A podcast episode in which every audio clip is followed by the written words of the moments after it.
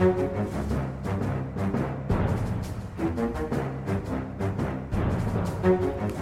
ja, Så setter vi i gang rett og slett med en ny utgave av Aftenpodden. Uh, det har vi gledet oss eh, til på en eh, travel dag. Trine Eilertsen, politisk redaktør, på plass. God dag. Har du en god dag i dag? Ja, absolutt. Det er bra. Har du det like travelt som meg? Uh, ja, alltid.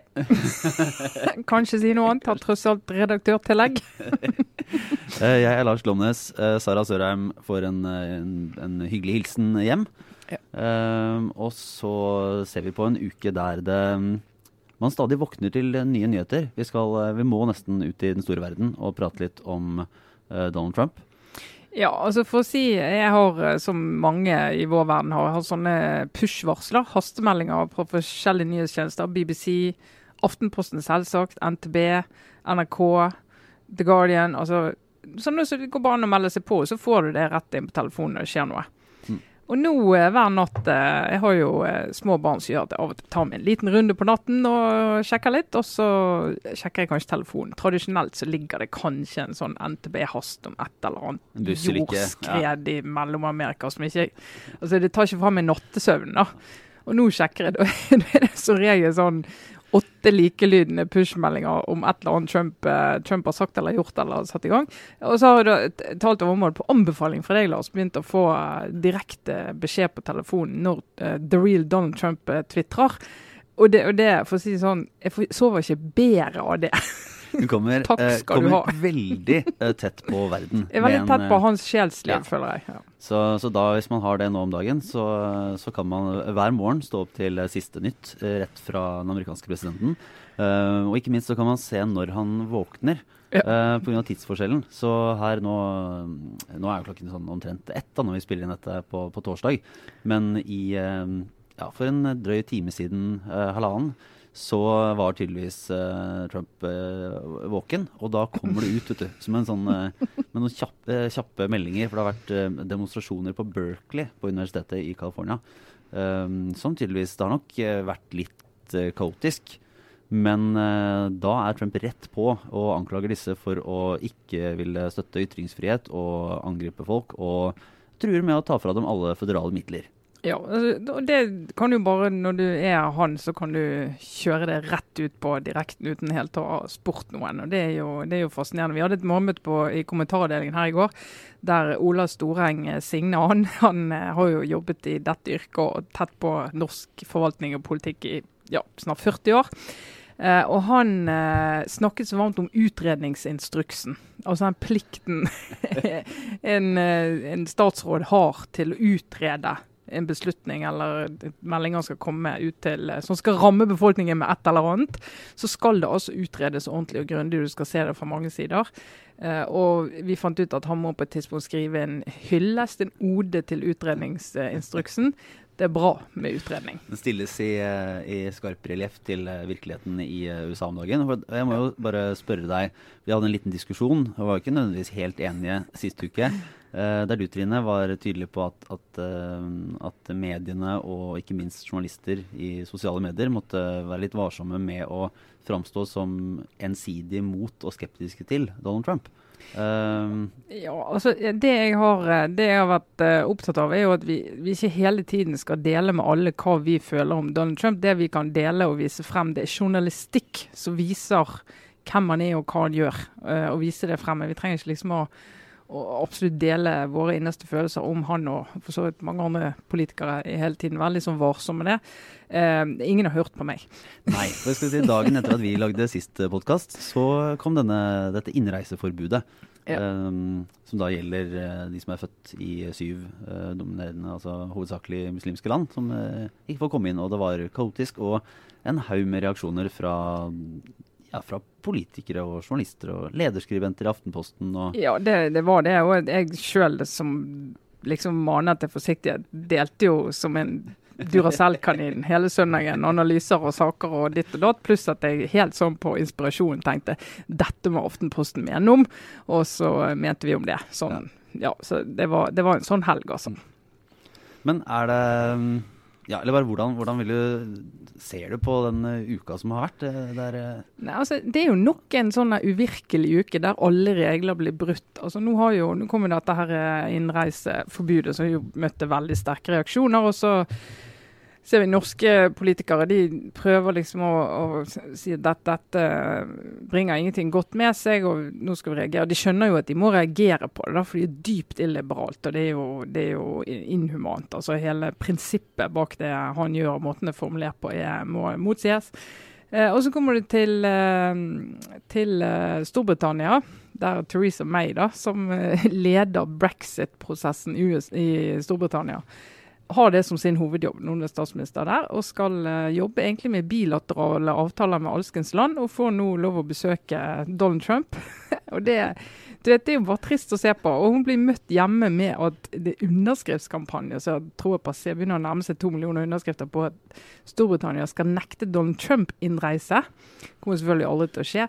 Men liksom hele hennes liksom forsøk på å balansere sin holdning til Donald Trump, som hun selvfølgelig ser på som en viktig alliert, og har det er ikke bare heldig å være den første som møter han når stemningen er der han er. Kanskje det er bedre å være den som møter han i hva vet jeg, oktober 2018, når mm. liksom det har lagt seg litt.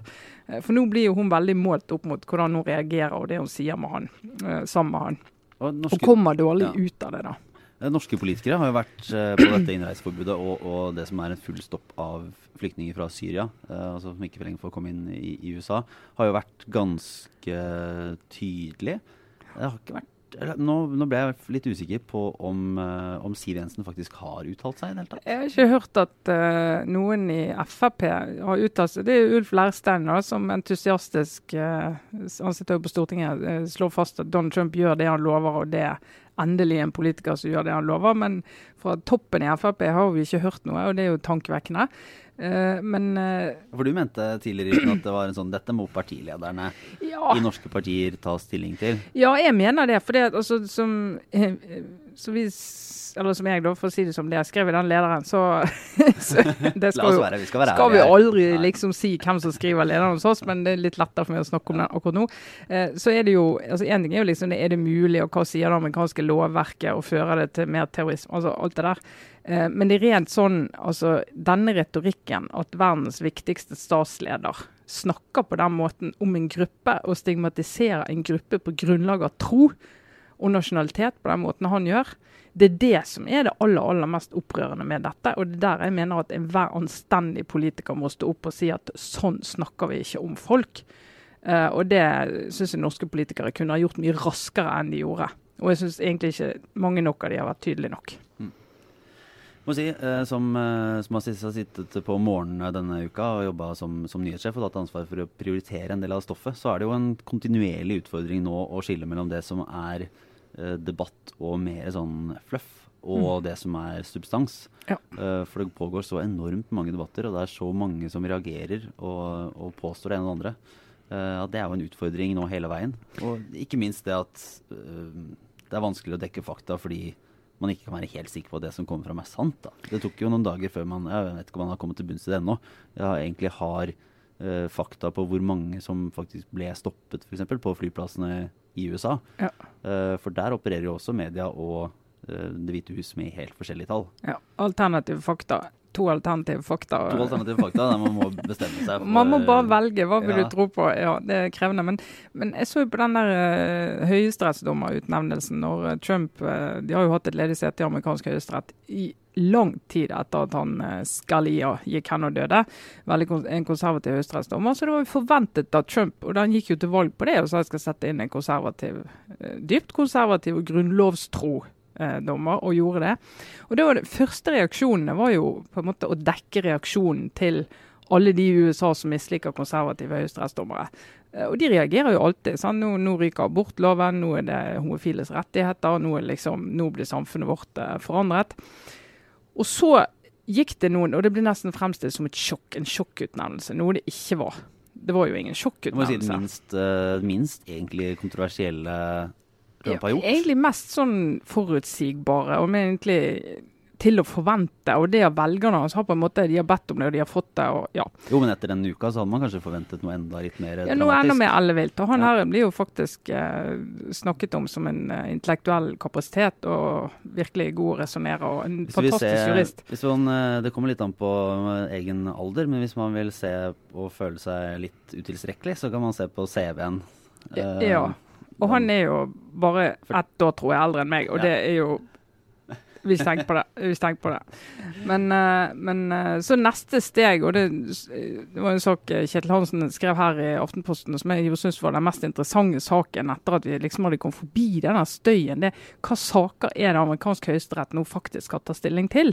Og liksom gå gjennom det punkt for punkt, for det er jo liksom der substansen ligger. Men det er klart når du sitter på på en desk. og Alt dette her, alt dette skjer jo i løpet av et par-tre timer, kanskje. Sant? Du får inn alle disse reaksjonene, demonstrasjonene, voldsom Twitter-storm.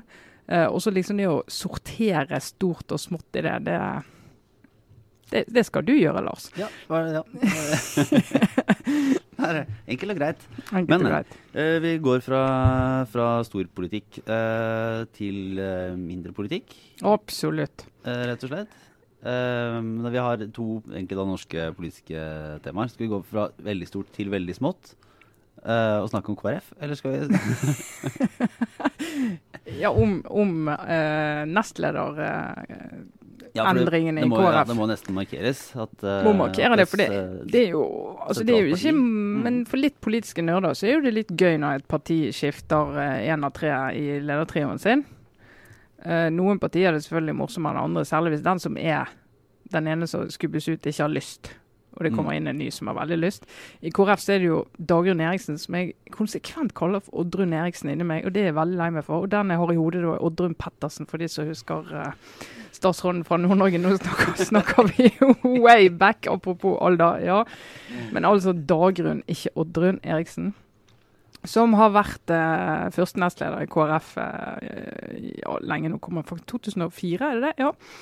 Eh, som nå skal ut, og så skal Kjell Ingolf Ropstad inn. Ikke veldig uventet, tror jeg, for de som har fulgt partiet. Eh, og Dorian Eriksen ble jo, tapte jo nominasjonen i Vest-Agder i 2013 før uh, stortingsvalget da, mistet plassen sin på Stortinget og har vært en nestleder som ikke er på Stortinget. Det er jo flere som er sånn. Ola Borten Moe er det, og Per Sandberg kommer til å være det fra høsten hvis han, hvis han ikke skal være i regjering. Eh, så kommer han til å være utenfor på en måte det politiske livet i Oslo. Uh, men, men, det som ligger bak i KrF, er jo sånn enormt sterkt behov for å bygge opp noen nye profiler. Og det vet du har jo vært en sånn ja, utfordring som de har snakket mer eller mindre høyt om i partiet i flere år. Helt siden liksom stortingsgruppen ble klar i 2013, så for å være diplomatisk, da, så der er det masse hyggelige folk, men det er ikke noen sånn åpenbare profiler som kan gå ut og markere partiet. Det er liksom Knut Arild Hareide. Uh, og litt Kjell Ingolf Ropstad, absolutt. Uh, sterk justispolitiker. Men det er først og fremst de to. Uh, og den andre nestlederen som har, som har vist seg, Ole Bollestad. Eh, så de, har, de, trenger å breie ut liksom i toppen og få litt uh, Og så har de jo ikke det I og med at de har en kvinne på, på den andre nestlederrollen, så kunne de ta inn en mann nå uten at de fikk uh, masse kjeft for det. Men det er vel ikke Og Dagrun Eriksen hun, en, hun har jo fått noen smeller i det partiet nå de siste årene. Hun ble vraka i stortingsnominasjonen. Forsøker seg nå til høsten igjen i Nordland, ja. rett og slett. Jeg så et, et klipp av henne fra NRK. Den reiste rundt i campingbil i ja, Nordland. og med stor entusiasme og bredt smil. Hun er jo en ja. veldig hyggelig og, jo, og jovial eh, dame som, eh, som eh, tilsynelatende utad tok dette nå nederlaget også ganske med fatning. Ja. Men hun er jo omdiskutert i partiet, og det nominasjonskomiteen er jo veldig tydelig på at dette vil partiet, dette skiftet vil de ha. Så det er jo et signal om at det er ikke det vi vil ha. Uh, og det, husker, Hun fortalte jo uh, for noen år siden om uh, sin angst, ikke minst telefonskrekken sin, som hadde vært veldig hemmende på hennes mulighet til å utøve rollen. Og litt strevsomt å være i toppledelsen i partiet og ikke ta telefonen når noen ringer. men hun hadde ikke fortalt om det i starten, og det vet jo også skapte mye frustrasjon i partiet i den fasen. her, Nå har hun stått frem og fortalt om det, men det er litt sånn ja, det, det, er mange sånne ting som gjør at uh, det ikke har vært uh, like lett å si at hun er den vi satser på i fremtiden. Men det er vel ikke noe stort ideologisk skifte med Kjell Ingolf Ropstad? Tidligere KrFU-leder. veldig... Ja, regnes sånn jo som solid, litt mer til ja. Høyre. eh, Sånn uten tvil på den uh, samarbeidsavtalelinjen, om du vil. Uh, forsvarer den og er inne i mange av de kompromissene mellom KrF og, og regjeringspartiene. Og jobber for det. eh, mens hun nok er litt mer eh, Sett på som mer Arbeiderpartivennlig. Ja da, absolutt. Så, absolutt. så får man se.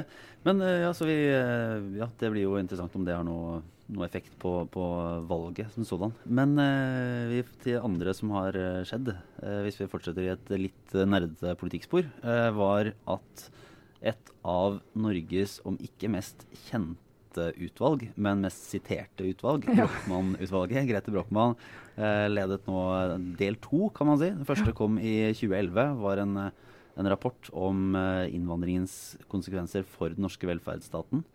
Og det har blitt Den påpekte en del problemer eller problemstillinger som har vært dominerende i innvandringsdebatten de siste da, fem årene. Mm. Og nå kom del to. Ja. Ikke like Det er ikke grunnlag for, at, for å tro at den er like Jeg vil ikke si eksplosiv, da, men like dominerende, er det det? Nei, altså Han bygger jo på den første rapporten, så det er litt sånn videreføring av den. og litt sånn revisjon. altså Har, har noe endret seg nå som gjør at vi endrer eller forsterker noen av konklusjonene i den første rapporten? og Den fikk jo veldig mye oppmerksomhet, fordi det var på en måte første gangen et utvalg hadde fått beskjed om i praksis å regne på innvandring. Hva koster innvandring for samfunnet vårt? Eh, hva gjør det? Altså, hvordan er bærekraften for velferdsstaten hvis du får inn eh, mange innvandrere som har lav kompetanse? Hvordan skal vi få dem liksom, til å delta i samfunnet? Altså, det var den gangen det kom tydelig frem at kontantstøtte må skrotes fordi at det ikke gir incitament for innvandrerkvinner til å gå ut i jobb. Det her berømte barnetillegget eh, ble jo problematisert i nettopp Brochmann-rapporten. De sa det at det også er en sånn stengsel mot at en selv innvandrerkvinner da går ut i jobb. Du form en sånn innlåsingseffekt. Diskuterte mange sånne ting som har blitt referert til og referert til siden da. Mm. Eh, og Nå fikk de jo i oppdrag om å se på de tingene der, i tillegg til å se på hva gjør en stor innvandring med norsk kultur. Mm. Og dette ble jo da satt ned på, eh, på høsten, eh, da det faktisk kom eh, veldig mange til Norge. Eh, under premisset 'hva vil dette ha å si'? Eh, og det ble vel satt ned, nå ble jeg usikker på om det var Høsten 2015, var ikke det? høsten 2015 eh, av, uh, av Fremskrittspartiet og Høyre. Og la vel som premiss at verden skulle se litt annerledes ut enn det den ser ut i dag. Ja. Og få frem liksom, hva er konsekvensen av dette. Ja. Og hvis, uh, hvis, man, men hvis man skulle se på det som en, et ønske om mer Et grunnlag for mer Frp-politikk i innvandringspolitikken, så skriver bl.a. vår kommentator Andreas Slettholm at det ikke er eh, tilfellet. For hvis man ser på det som kommer, så er det ganske Det er ikke nødvendigvis eh, det, det ble noen overskrifter om bekymring for velferdsstaten og at det kan trues av høy innvandring. Men en del av løsningene som pekes på i dette utvalget, går ikke til klassiske Frp-løsninger. Her er det mer igjen fjerne kontantstøtten. Det, denne regjeringen har hevet den. Ehm, vil ha mer integrering, mer tidlig opplæring i norsk. eh, mer tiltak og flere ting som kanskje er mer mainstream norsk innvandring. Ja, men sånn klart sånn da. kvalifiseringstiltak, egentlig. Kvalifisere folk for å komme i jobb på forskjellige nivå. Eh, Hvis du har en utdanning fra det landet du kommer fra, så må du ikke nødvendigvis ta en helt ny utdanning i Norge, men vi må finne en måte å, å legge til elementer i den utdanningen som gjør at du kan bruke den, sånn at noen kommer mye raskere i jobb enn enn de nå gjør. De blir sittende med kompetansen sin i tre år og vente på å få gjøre noe som helst. Eh, også de som ikke kan noen ting, rett og slett, som trengs i et norsk arbeidsliv, de må jo opp på et nivå der de kan både fungere på norsk, og der de kan bidra med noe. da. Vi snakker litt sånn lavkompetent arbeidskraft.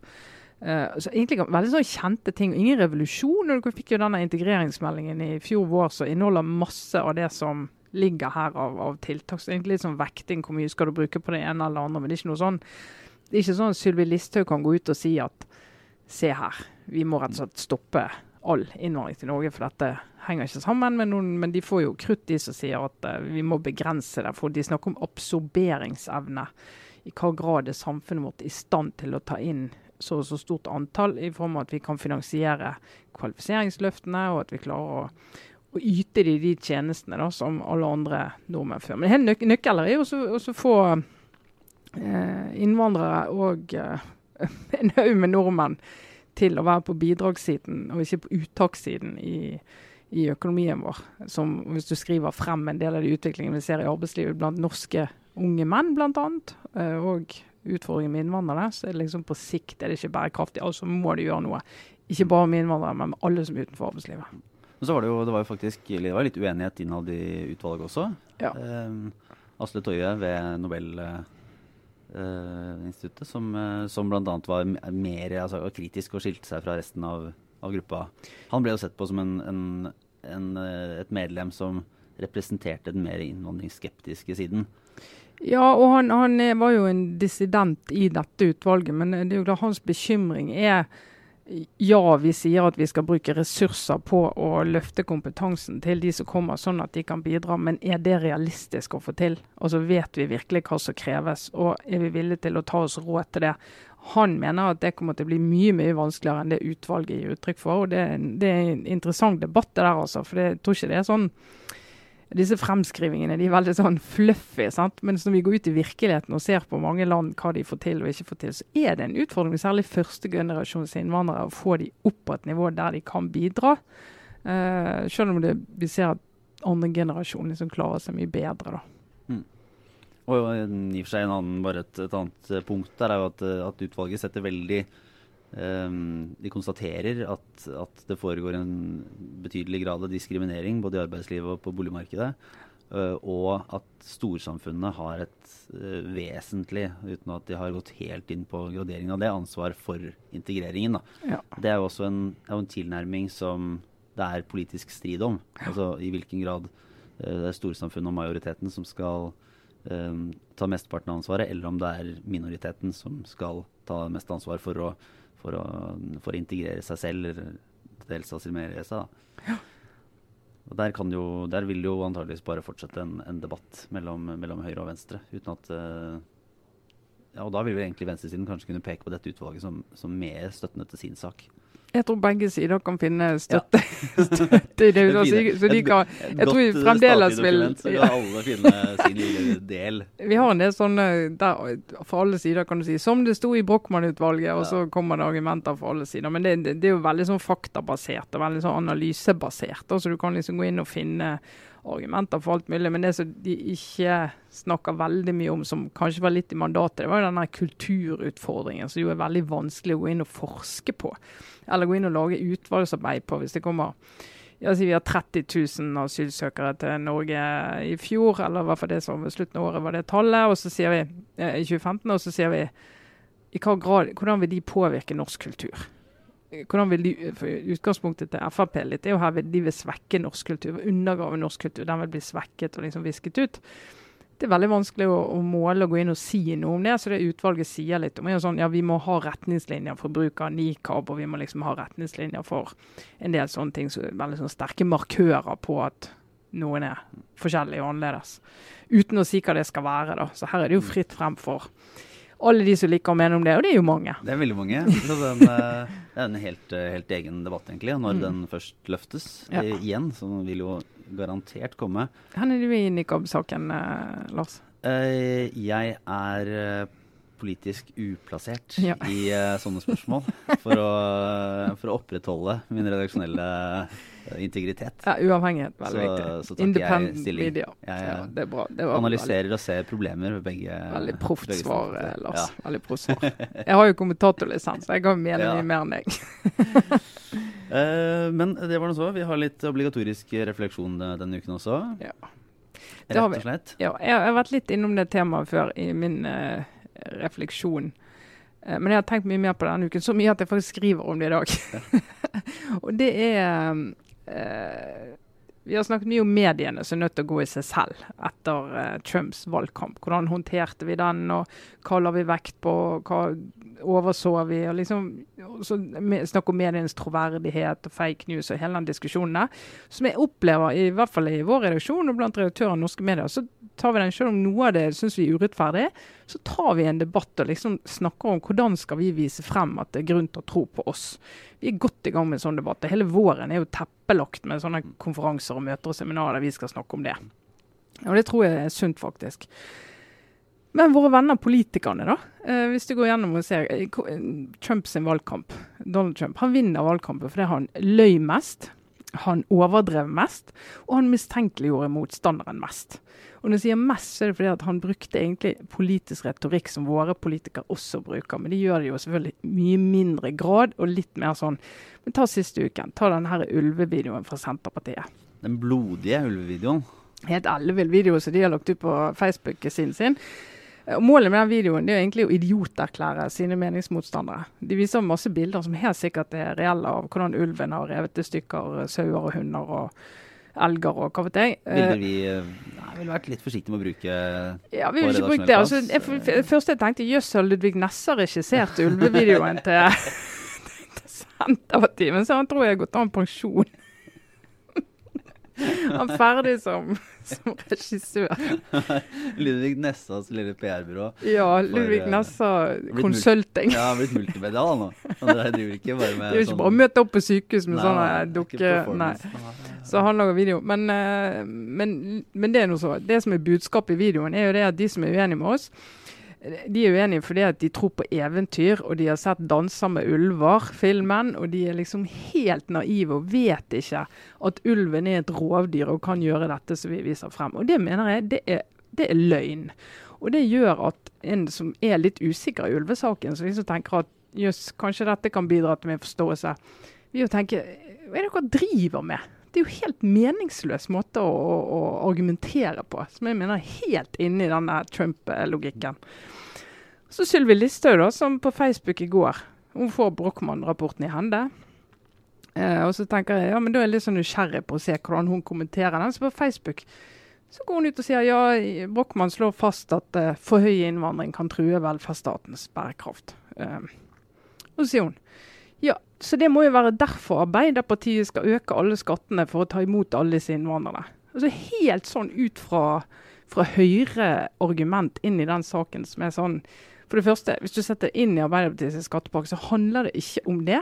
Men hun prøver å legge inn en sånn premiss hun har spilt i hele fjor. Ja, for Arbeiderpartiet er jo i praksis for fri innvandring. Altså virkelig sånn Fører folk bak lyset-retorikk som er utrolig uredelig. Jeg har flere eksempler. Lars. Jeg må få lov å dra dem noen en gang.